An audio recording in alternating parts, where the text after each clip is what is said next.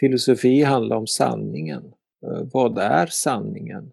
Eh, hur ligger saker till? Hur, finns, hur existerar saker i förhållande till varandra? Och, och sen skulle man väl kanske kunna tillägga att i det ligger någon idé om att om man beskriver det som är och sanningen rätt så, så finns det inbakat något slags moraliskt rättesnöre i det. Jag kommer ihåg att jag läste filosofi i många år och skulle doktorera men eh, det skar sig mellan mig och min handledare som hette Torbjörn Tännsjö. Vi var inte riktigt på samma nivå, tack och lov.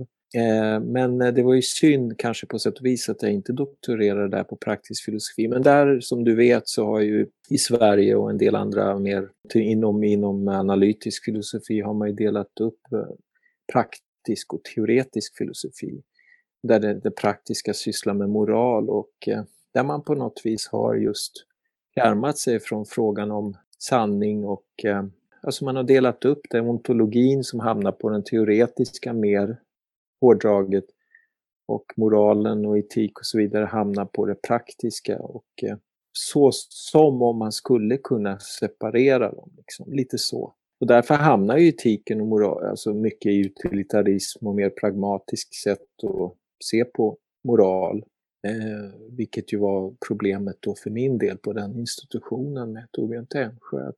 Jag ansåg att det de sysslar med var snarare omoral än moral. Ja, det är intressant med praktiska och teoretiskt, för på ett plan finns det att det, att i kulturen finns just den här strikta åtskillnaden mellan kunskapen och etiken.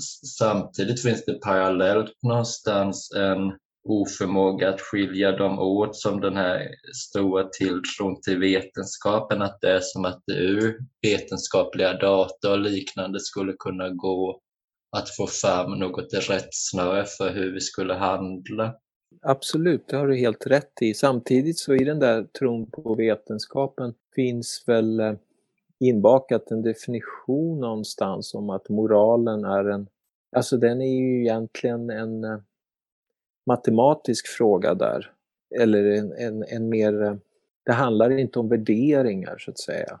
Utan vetenskapen i den där striktare, mer naturvetenskapliga definitionen gör ju frågor om värden till rent subjektiva saker så att säga, till mänskliga saker. Och då kan man ju fråga sig om det överhuvudtaget går just att prata om en moral inom den typen av eh, vetenskap. Alltså, att det, är det verkligen det man sysslar med? Men, men jag håller med dig att de drar ju, man drar ju sådana slutsatser som, är, som eh, påverkar frågor om moral. Och där har väl till exempel utilitarismen är ett exempel på det, att man gör moralen till en historia om att räkna så att säga.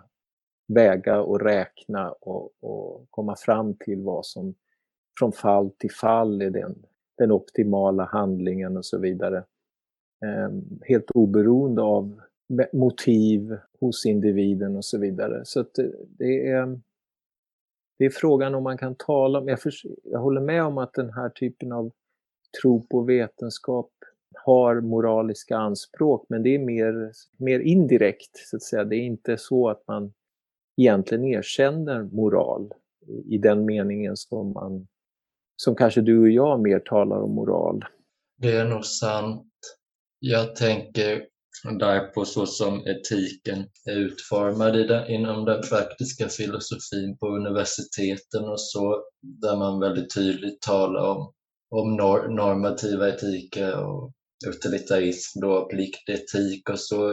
Hur ställer du dig till det sättet att överhuvudtaget närma sig etik? Ja, men jag tror att det är det du kanske inne på, bara genom din fråga, att det är väldigt märkligt att dissekera frågan och dela upp moraliska, den moraliska dimensioner i, dimensionen i de här kategorierna.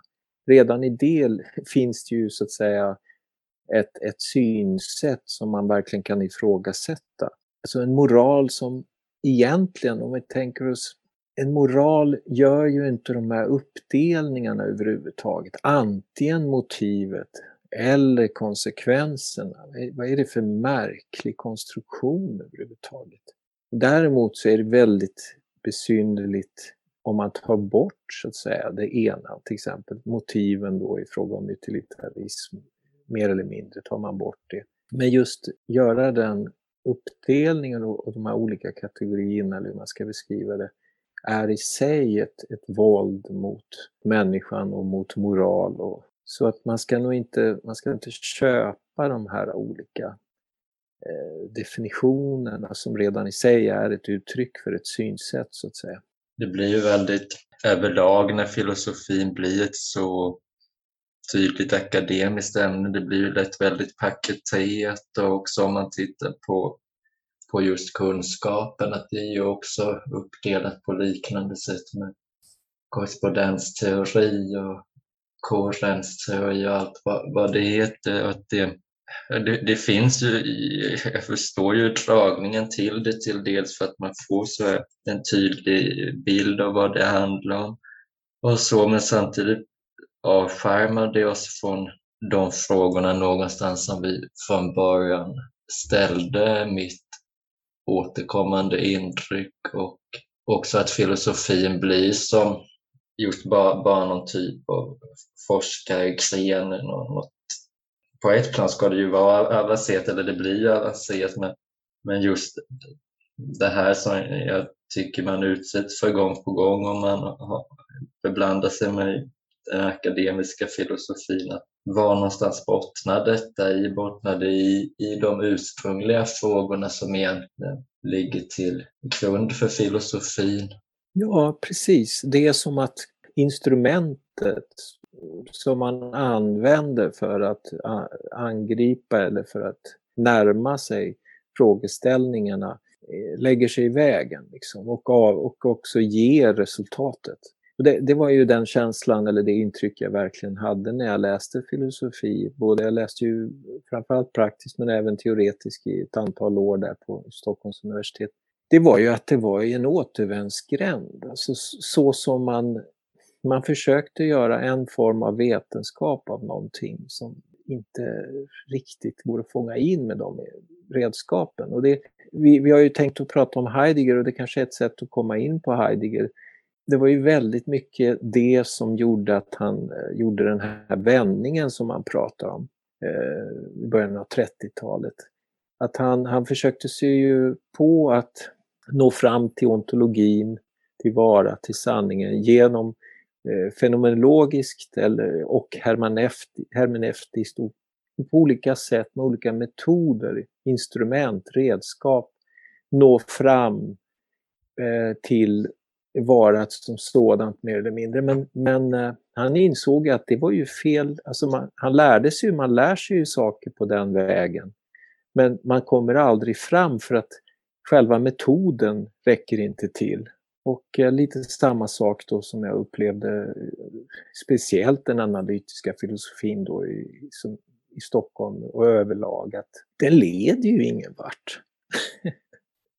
Den leder i högsta grad i fråga om praktisk filosofi till något sånt här eh, utilitaristiskt tänkande där man hoppas kunna räkna ut liksom vad som är det, det rätta då, rätt handling och så vidare. Men det är ju helt bisarrt för att man, kom, man har ju inte alla man kan ju inte räkna på allting som ska vägas in för att man har ju inte greppat de aspekterna som måste finnas med i den beräkningen. Nu tänkte jag, tänker jag hypotetiskt, alltså om man skulle kunna överhuvudtaget, eller om det överhuvudtaget var det rätta sättet att komma fram till vad som var sant eller rätt, så skulle det ändå så att säga falla på grund av att man aldrig har hela bilden, om jag uttrycker det så, och de, de saker som spelar in när man ska räkna ut det rätta. Eh, jag uppfattar det som en, fantastisk återvändsgränd som hela den här analytiska filosofin eh, ägnar sig åt eller hamnat i. Och just med utilitarism utan att gå in för mycket på det då så något som ju också Nietzsche skriver mycket om att det här med lidandet, att frikoppla det som något totalt skilt från välmående och något som vi egentligen skulle kunna vara utan. Det går tillbaka också till till just det kategoriska som gör att vi, vi tappar just hela det begreppet att vad, vad är det att lida? Vad kommer det ifrån för, för process i oss? Om man tittar på lidandet i sig då kommer man kanske komma till just de utilitaristiska slutsatserna men det är väl just det bedrägliga att titta på det i, i sig.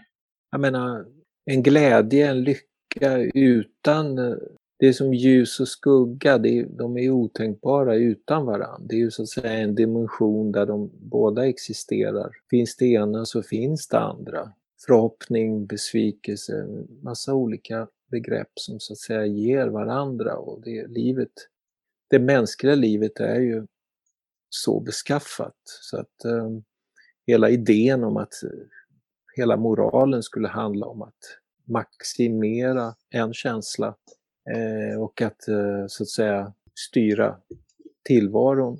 Eh, och inte bara in, alltså att individen själv ens ska styra tillvaron för att maximera det ena eller det andra utan detta ska ske från någon slags eh, högre förnuft om det nu är staten eller etiska rådet eller vad det är som ska avgöra vad folk ska... Det hela är ju egentligen ett vansinnigt tänkande om man tänker efter. Eh, jag tänker på Heidegger här, att när, du, när vi talade om att göra det avsnittet och du eh, nämnde just den senare Heidegger i och med att det finns ett tidigare avsnitt som handlar om vara och tid Då så återbekantade jag mig med några av hans böcker från, som i ja, sena period och läste även två av dina böcker inför detta där den ena var skolastiska övningar. Och där både i den och när jag nu tittade i eh, den senare Heideggers eh, böcker så var ett tema som slog mig extra mycket ett som jag tycker summeras genom de här raderna från skolastiska övningar som är citatet är att vi är skilda från varandra genom förening. Det är något jag gärna skulle vilja tala om, just den till synes motsättningen mellan det. Heideggers och eh, mitt också projekt har ju varit hela tiden eh, någon slags fundamental ontologi alltså. Och eh, det där citatet ur skolastiska övningar försöker väl uttrycka just det att visst, vi kan, vi kan fjärma oss från varandra men det som förenar oss går, går djupare. Vi kan inte överhuvudtaget tala om, om eh, separation, om, om att avlä- fjärma sig från varandra och så vidare utan att göra det redan utifrån eh, eh, någonting som är gemensamt. Och ett, sätt och, och ett annat sätt att tala om det här och det var ju också mycket det Heidegger och även jag kommit in på eh, och lyfter fram mycket, det är ju språket och då framförallt modersmålet. Det är ju någonting som vi har eh, gemensamt eh, vare sig vi vill eller inte så att säga. Vad vi, vad vi än säger så befinner vi oss redan i det gemensamma i, i språket. Och eh, förutsättningen för att vi överhuvudtaget ska ta avstånd från varandra till exempel, det är ju att vi redan är eh, på den gemensamma fundamentala nivån. Och det är ju inte bara Sene Heidegger, liksom jag ser ju på språket inte som någon slags kommunikationsform egentligen utan eh, Eh, det, går, det används ju som ett kommunikativt instrument men som jag var tidigare inne på, vi är redan, vi finner oss redan i detta gemensamma som är språket och det är helt oberoende av vad vi säger och det är helt oberoende av huruvida vi grälar eller huruvida vi känner det ena och det andra. Och eh, Heidi, liksom jag, drar det ännu längre. Det är helt oberoende av huruvida vi är, Eh, det här låter väl kanske konstigt, alltså att vi är människor eller inte är människor. Språket överstiger inte bara oss som individer och vår psykologi och sådana här såna element i oss utan det överstiger det mänskliga som sådant. För att språket är världen där vi finns med, så att säga. Vi finns i världen. Och språket är ett, är ett språk för det som överstiger oss. För språket är ju inte bara, alltså det är en av invändningarna jag har mot Kant. Han har ju ett, egentligen ett väldigt förnuftsmässigt subjektivt antropocentriskt perspektiv på bland annat kunskap. Då. Och det gör ju att ontologin faller bort, det blir bara en kunskapsteoretisk historia. Sen postulerar han ju Gud och annat, men det, det är ju så att säga inte någonting som kommer ur hans filosofi, hans tänkande och hans syn på kunskap. Så jag menar att, att språket härbärgerar betydligt mer än vad vi själva så att säga som individer och som människor förmår överhuvudtaget förstå och greppa. Det är därför jag till exempel hade den här titeln skolastiska övningar. För att det finns någonting i skolastiken i, att de, man närmar sig begreppen, man, man, man relaterar begrepp till varandra för att förstå någonting. Och, eh, och i linje med det jag precis sa så, så kan man så att säga genom att titta på, det, på språket som sådant och på orden och hur de hänger ihop med varandra och utvinna kunskap om världen. Så det, det, är ju, det är ju alltså inte en empiri i, i konkret mening utan det är ju snarare att man blickar inåt i språket som i sin tur redan härbärgerar även den empiri, empiriska världen. Eh, om jag gör mig förstådd. Ja, absolut. Jag tänker med den, den sena Heidegger, när han talar om språket på detta vis med någon förutfattad bild i filosofihistorien kan jag nästan, kan jag nästan ibland, men på ytan just tänka att det låter nästan som att han talar om eh, universalier eller liknande, att det är något som finns som sådant.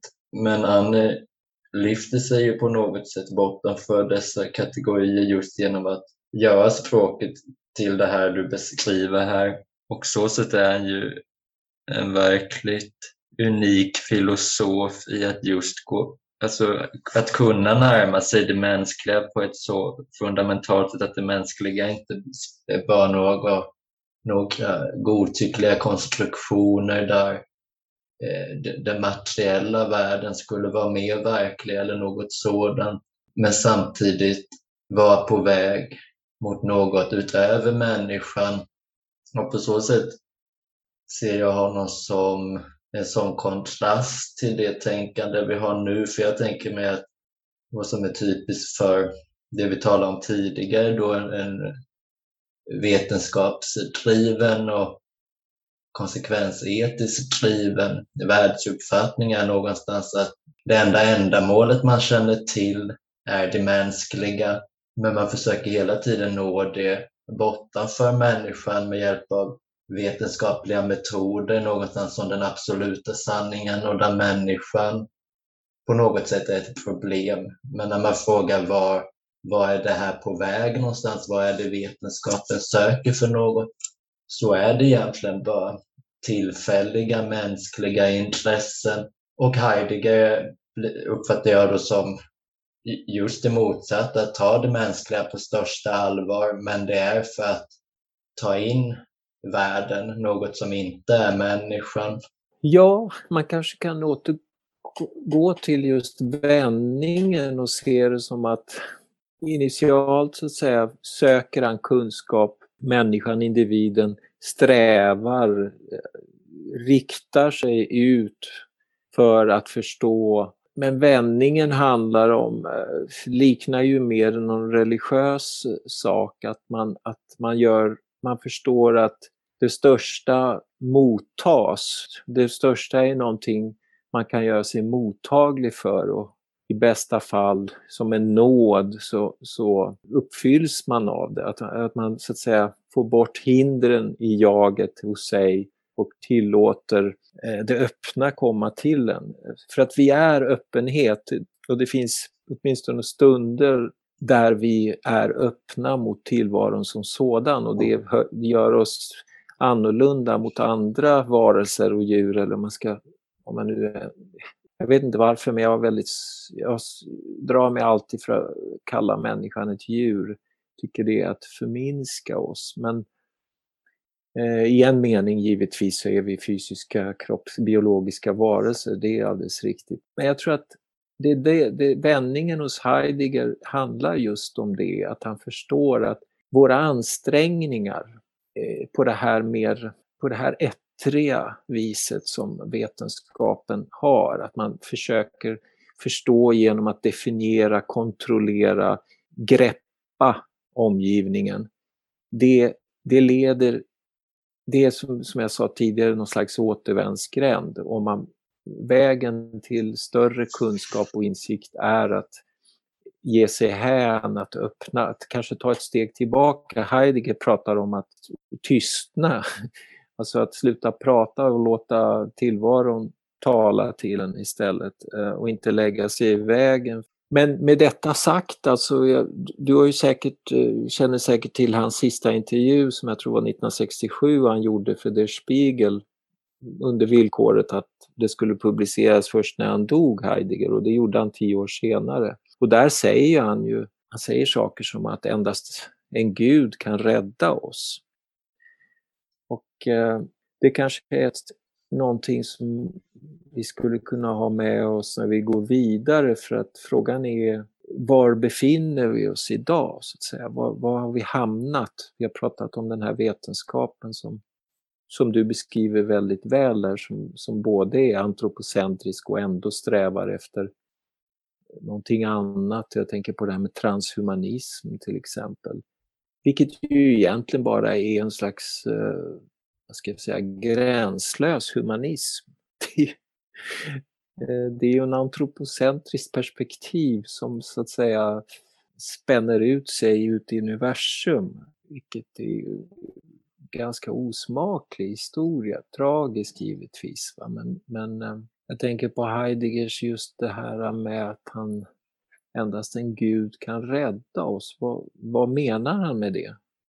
Vad tänker du om det?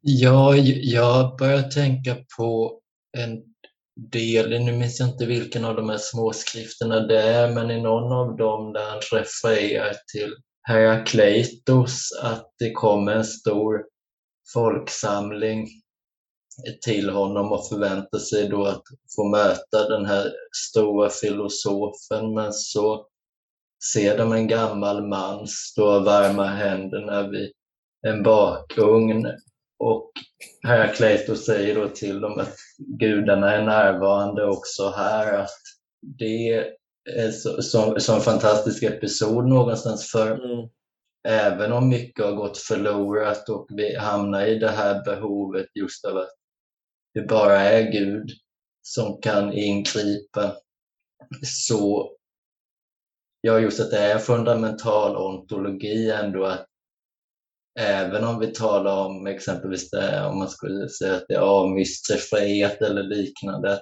egentligen är det aldrig det i slutändan eftersom vi alltid har den här öppenheten, trots att vi kan glömma den på samma sätt som han menar då att vi har glömt eh, vara-frågan. Men att Gud kanske någonstans är den här, den sista öppningen någonstans till världen, men att det alltid finns någon form av öppenhet och att det alltid finns någon form av närvaro. Ja, jag tänker väl att han, eh, det här var ju då 1967 och jag menar mycket har ju hänt sedan dess med modern teknologi och nu går man in i själva DNA och ska manipulera och allt ska vara, alltså själva livet blir ett, ett eh, instrumentaliserat, ett objekt att manipulera. Jag ehm, jag tror att även den där öppenheten kan gå förlorad. Alltså jag, jag funderar på varför jag har varit så otroligt, eller mer inriktad på det politiska på senare år här. Det har att göra med att jag ändå i, i botten, grunden tror att kulturen är A och O för att bevara det som vi nu överhuvudtaget pratar om. Alltså, eh, även sanningen kan gå förlorad. Även öppenheten kan gå förlorad. Och det är därför jag, eh, eftersom jag ser vår samtid, i vårt fall i Sveriges, Sveriges fall då, så hur man så, ska säga, aningslöst eller om det nu är självdestruktivitet, jag vet inte, liksom kastar bort eh, själva förutsättningarna för vår kultur och vår, vårt minne. Men eh, man har ingen som helst känsla för värdet av det som vi har ärvt och det som är traderat och som är, som är vår, vårt modersmål till exempel.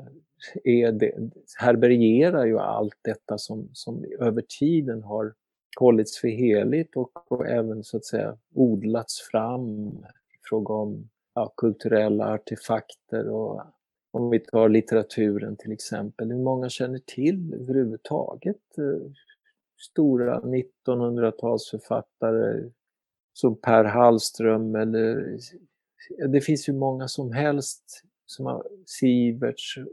Det finns, det förs inte vidare så att säga och det är oerhört tragiskt för att det finns en sån rikedom och eh, det är väl därför jag eftersom jag har den här idén om att även det mänskliga och det gudomliga, för att ta ett stort ord här, är någonting som finns i den mån det finns i kulturen, så att säga. Det, man, jag, har, jag, brukar ta ett exempel som jag tycker eh, fångar in på ett mer konkret sätt det jag menar och som gör att kulturen är någonting som vi måste värna.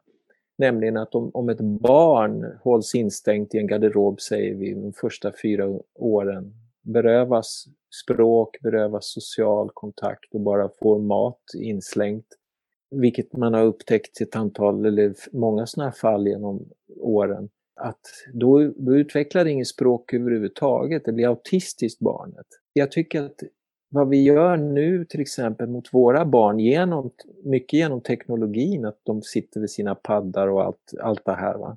Och inte har det här sociala livet. De är inte ute och leker. De leker överhuvudtaget inte generellt sett, barn i Sverige, på det sättet man gjorde förut.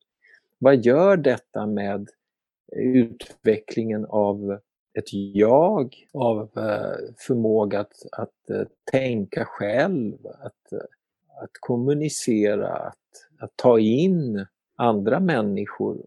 Det, och därmed i förlängningen så går den här hela förmågan som är förutsättningen för kultur förlorad. Och eftersom kulturen går förlorad så går även nycklarna eller vägarna till transcendens, till öppenhet förlorat.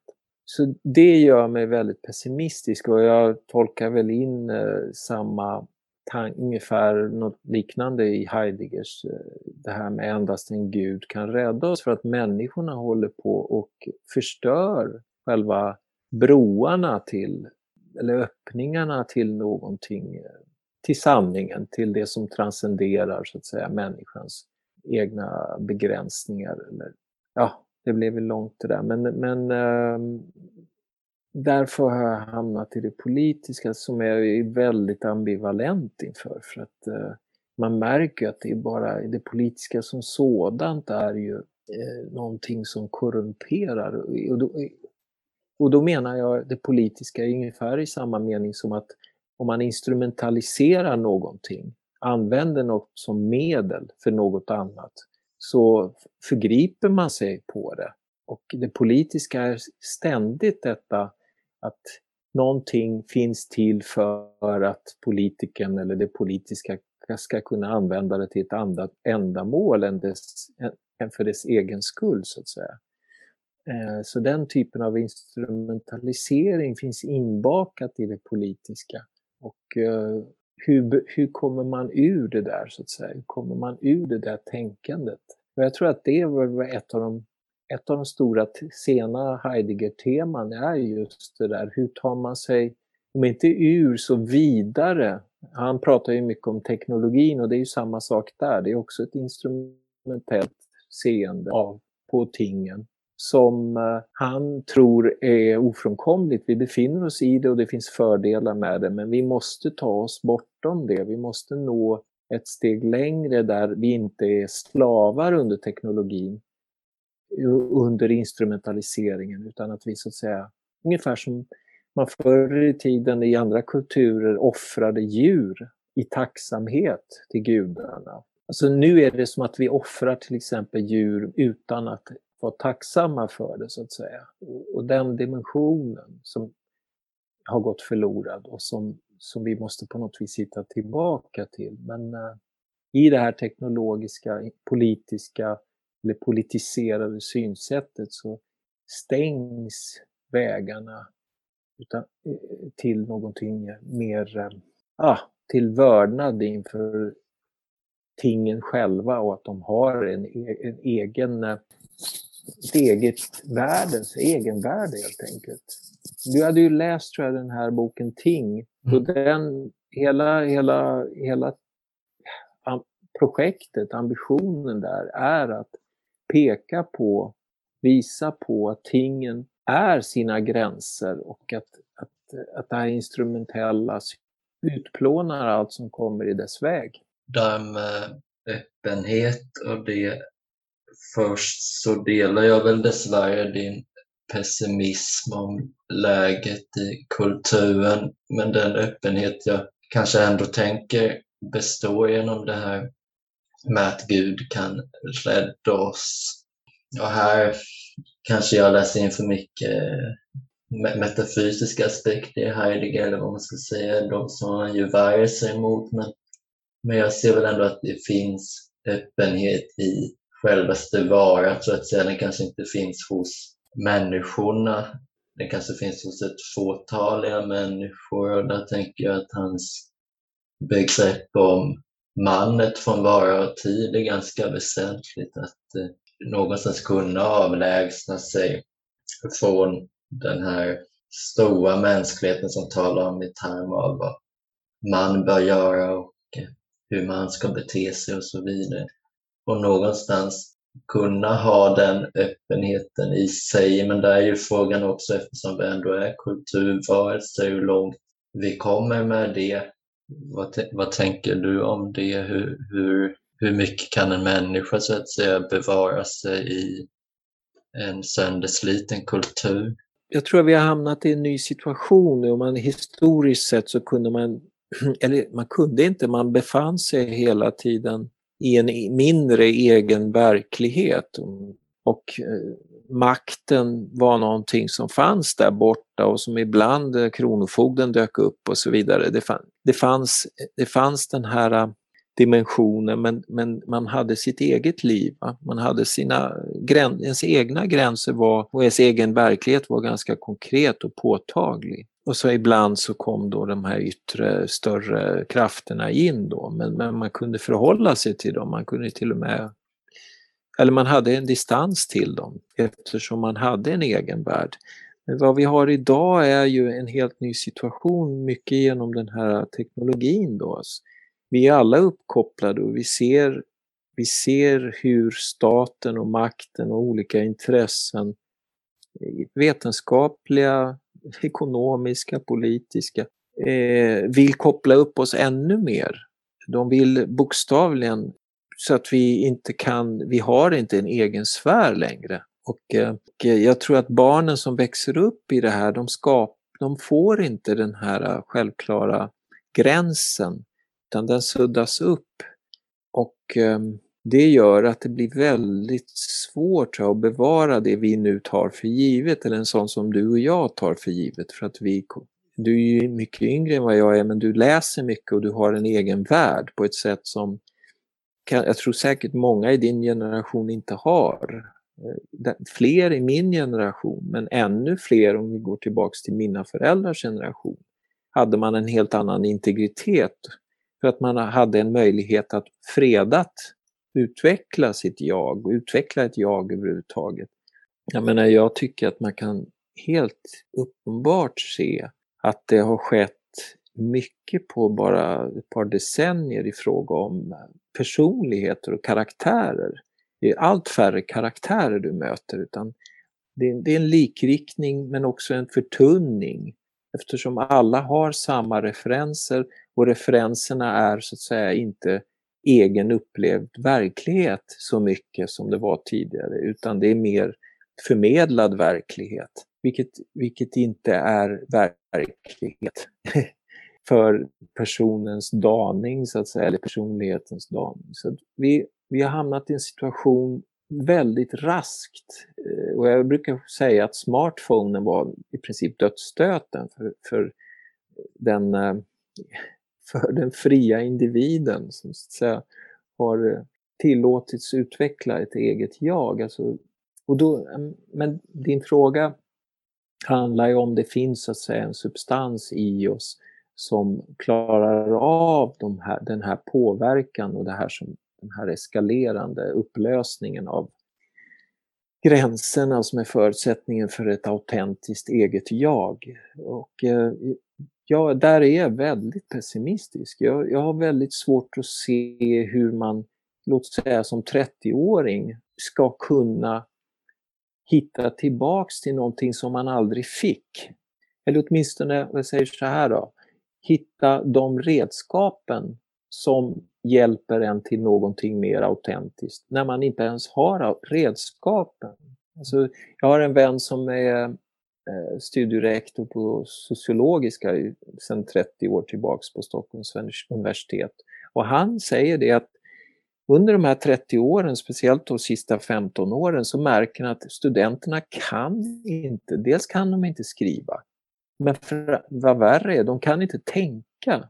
Alltså om, man, om han lägger fram någonting som kräver tre steg, tankesteg, så kanske de klarar det, men många gör inte ens det. Men att sen tänka tillbaks, gå tillbaks de tre stegen, det, det blir för svårt. De har inte förmågan. Så det är, vi påverkas av den här teknologiska och så vidare utvecklingen på ett sätt så att vår förmåga att överhuvudtaget navigera självständigt i verkligheten går förlorad. Och i det läget så, så är det väldigt svårt att, att, förstå hur mycket av det som vi två värdesätter till exempel och som har varit eh, eh som kännetecknar den traderade kultur vi har ärvt eh, ska kunna överleva eller ska kunna... Jag menar, jag märker ju själv under de här decennierna jag har skrivit böcker att dels läser ju betydligt fler, eh, färre böcker över, överhuvudtaget, men det är ju bara att gå till kultursidorna, till och med de som arbetar på kultursidorna, kulturchefer och kulturredaktörer och, skrib och kulturskribenter. Om man läser deras recensioner och texter det, fin, det här litterära och filosofiska och andliga finns ju inte, på, finns ju inte där längre. Inte ens där. Är inte det fantastiskt? Det har ju gått väldigt fort. Ja, verkligen. Det jag frågar mig med, detta, eller den naturliga frågan kanske någonstans är att var någonstans startade jag? Tittar man på Heidegger då är det ju ett, han går ju väldigt långt tillbaka för att säga var det startade så att säga om man tar eh, filosofin när den blev till vetenskap, att han skriver då dog tänkandet, det dog redan under det antika tänkandet för att någonstans komma tillbaka lite då och då. Och jag tror, tror väl det om dagens situation att den den är väldigt långtgående. Den har, är, det kommer bli varje och varje men den, den finns ganska tydligt ganska tidigt och det är ju lätt att säga i efterhand förvisso att man tycker att man såg det redan då. Tänk om man tittar på e-, exempelvis en sån sak som vad industrialismen är. Att ett massivt tvång av människorna bort från landsbygden in till städerna i fruktansvärda miljöer någonstans som där vi befinner oss nu tycker jag med sig ganska tydliga paralleller där just med de här vaccinationspassen och vaccinationskraven att man tvingar människor att ge upp ännu mer av sina jag, att då flyttade man på dem fysiskt. Det var, men nu är det någonstans att det lilla begreppet man har kvar av andra har man gjort i något digitalt, något att räkna på och det här digitala, det här begreppet som finns för andlighet idag är egentligen det man vill fånga in med de här passen eller den här sociala krediten. Och också var en, en tanke där när du nämnde det här med djuroffer, det tycker jag är ett väldigt gott exempel på det. ja, då var det offer för att visa att vi bryr oss verkligen till och med de här djuren som vi värderar så högt kan vi tänka oss att döda. Eh, men att döda en gris eller en kyckling eller en ko eller vad som helst i den här civilisationen från och med att det industrialiserades och egentligen från och med att det blev ännu mer till att det blev den här väldiga konkurrensen mellan nationer, att det har såtts frön sedan ganska länge till att vi har kommit dit vi nu befinner oss. Ja, verkligen. Eh, alltså, det barbariska och brutala och grova har ju funnits i alla tider men, men det barbari och den omänsklighet vi ser idag tycker jag är, är värre för att den har egentligen inte någon slags överlevnadsskäl. Alltså det är inte så att man måste göra det ena och det andra. Jag tänker på abort till exempel. Jag går inte in, jag egentligen jag tycker att om en, män, om en kvinna absolut vill abortera så inom en viss tid så, så är det ju det är svårt att tänka sig att man ska tvinga, bokstavligen tvinga en kvinna att inte göra det då om det finns, som det finns idag, sätt att göra det på då. Men, eh, så så långt går inte jag, men alltså synsättet som råder, på tal om var vi befinner oss idag, är ju så groteskt. Dels att det då bara ska handla om kvinnans vilja och Eh, huruvida ett barn blir till eller inte. Eh, alltså att det är en rättighet, hela rättighetstänkandet är ju märkligt. Men jag tänker på att det är inte nog med att man aborterar det här fostret då utan man, man bokstavligen använder det industriellt då för att eh, man slaktar de här fostren då för att göra vacciner eller använda det till att göra vacciner, parfymer och annat. Det är egentligen helt ofattbart va? att man överhuvudtaget kan välja att göra en sån sak. Jag tycker den här pandemin som du var inne på har ju visat på något vis hur långt det har gått i fråga om, det är fel att säga att det är makten utan det är mer hur många människor av idag, tidens människor, förhåller sig till liv och förhåller sig till varandra och förhåller sig till andras friheter och integritet. Jag brukar använda ordet gränslöshet för att om det är någonting jag tycker kännetecknar vår tids människa, vår civilisation av idag, så är det gränslöshet. Man stannar inte vid någonting. Jag tror att Heidegger har rätt i att man kan spåra den här skillnaden, pratar väl om försokratikerna kontra senare grekisk filosofi, att han kan se den här eh, in, instrumentaliseringen, det här lite förnuftsbetonade som är, som är så att säga, som, har, som glömmer bort själva helheten och tillvaron, varat. Eh, och eh, det finns definitivt där redan, men jag menar, var vi befinner oss idag är ju helt, eh, ja det är så groteskt kort och gott. Mm. jag, jag blir helt mållös inför den här samtiden. Jag, jag tycker att det är allt, alltså det är verkligen, eh, det har varit otroligt över, det har varit övermäktigt sista åren. Ja, abort är verkligen ett bra exempel på gränslösheten för där kan man inte ens medge detta att det är två människor utan det är en enda människa. Det, fostret är kvinnans kropp så där har ju gränserna helt suddats ut samtidigt som man måste, vill förstärka den här, ja, det man kallar för kroppslig autonomi, kvinnans absoluta bestämmelserätt. Där är det plötsligt väldigt tydlig gräns vad, som, vad kroppen börjar och vad världen slutar så att säga. Och det, det var en sak jag tyckte var väldigt intressant i skolastiska övningar där när du skriver om rättigheter, att vem har rätt att tilldela en rättighet och med abort blir det så väldigt knepigt för ja, det är något som kan ske på grund av medicinsk historia industriell historia så att säga. Så den här rättigheten börjar någonstans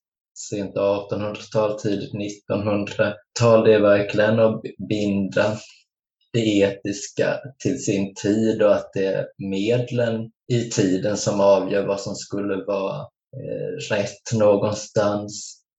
Och där tänkte jag också på det, det du sa om att man inte kan tvinga och, och det där, att det är också intressant att frågan har blivit så juridisk att så fort någon lyfter en etisk dimension av abort blir den plötsligt skyldig, på, skyldig någonstans att svara vad, vad vill du ha för lagstiftning och att den direkt går över till det juridiska eh, istället för att faktiskt titta på, på det etiska, att vad är det som händer, varför händer det? Och det är som att den etiska förmågan just har stannat vid det vid juridik, att är det möjligt att lagstifta? Och, och också om man tittar på, på pandemisituationen, då, att det blev diskussionen någonstans, har, har vi rätt enligt lag att göra så här? Finns det någon så här klausul som gör att vi får, får inskränka så här istället för är det rätt att göra så här mot människor? Ja, det, det är precis juridiska, politiska, vetenskapliga. Att det finns ett inbakat perspektiv där, där man så att säga istället för att moralen och, det mänskliga utgår ifrån varje, varje människas inre och samvete så, så, utgår det ifrån någonting som ska beräknas utifrån och det är andra intressen och som avgör vad du ska göra, om du ska göra abort eller inte och så vidare.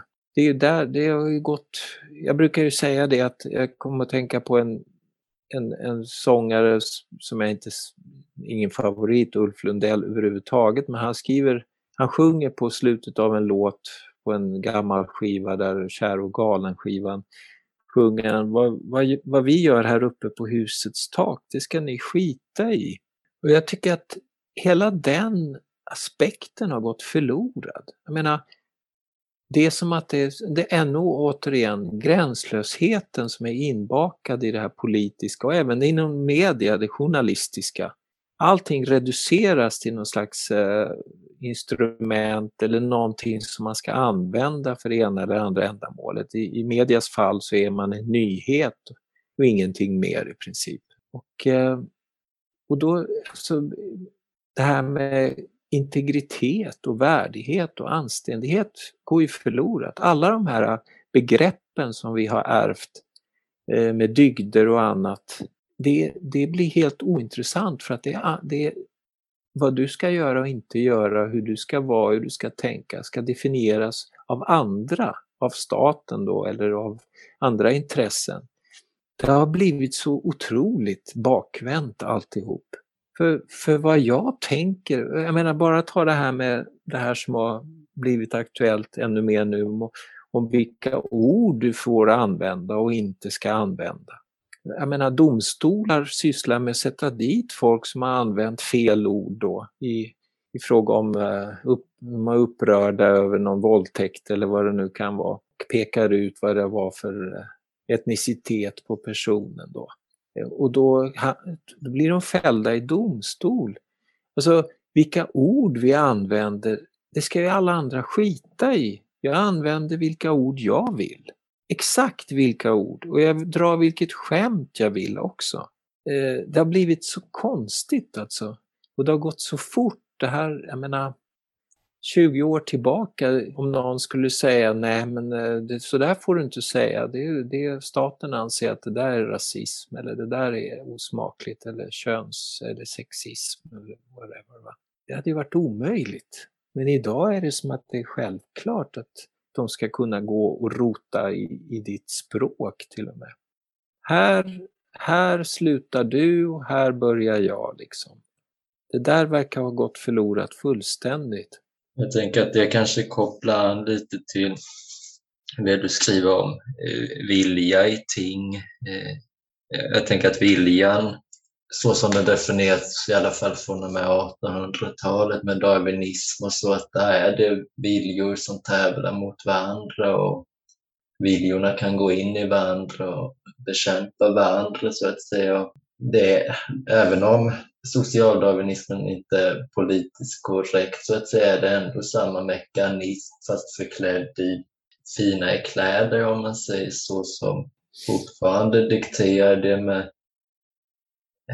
med att viljan är starkare och så vidare. För stat, om man tänker sig staten, den har inte så mycket mer leg legitimitet än just det här våldskapitalet och folk är kvar i gamla föreställningar om att den, den är någonting mer men om det blir riktigt allvarligt så kommer det, tror jag, bara vara frågan om olika våldskapital i slutändan. Jag, jag tänkte på, på Heidegger och Nietzsche där, Heideggers Nietzsche-läsning som, som jag uppskattar. Ehm, eh, han analyserar ju bland annat eh, Nietzsches viljan till makt och, och eh, försöker förstå nihilismen utifrån det. Och Heidegger talar istället om viljan till viljan, apropå viljan och vår tid. Alltså nihilism, det, det är en vilja som slutar vid att vilja sig självt. Eh, det är ju en hänsynslös vilja. Och där är vi ju nu någonstans. Makt, alltså det, makten är ju en maktfullkomlig makt idag. Den, jag menar, ta socialdemokratin eller egentligen hela det här partipolitiska systemet. Det, det, det, handlar ju inte längre om att man är lojal mot svensk kultur och svensk gemenskap. Man har ju bokstavligen sålt ut allt detta. Man bryr sig inte ett skvatt om det. Vad bryr man sig om? Av sin, sin makt. Alltså, man bryr sig om partiet. Och partiet är ju bara ett uttryck för en organisation som synas och vill, vill ha makt. Så vi har ett politiskt system och en av mina favoriter bland tänkare är en kvinna som heter Simone Weil och hon pratar ju väldigt mycket om just de här sakerna. Hon säger ju bokstavligen att överallt där det finns politiska partier är demokratin död. Så hon är väldigt radikal. Hon säger förbjud politiska partier.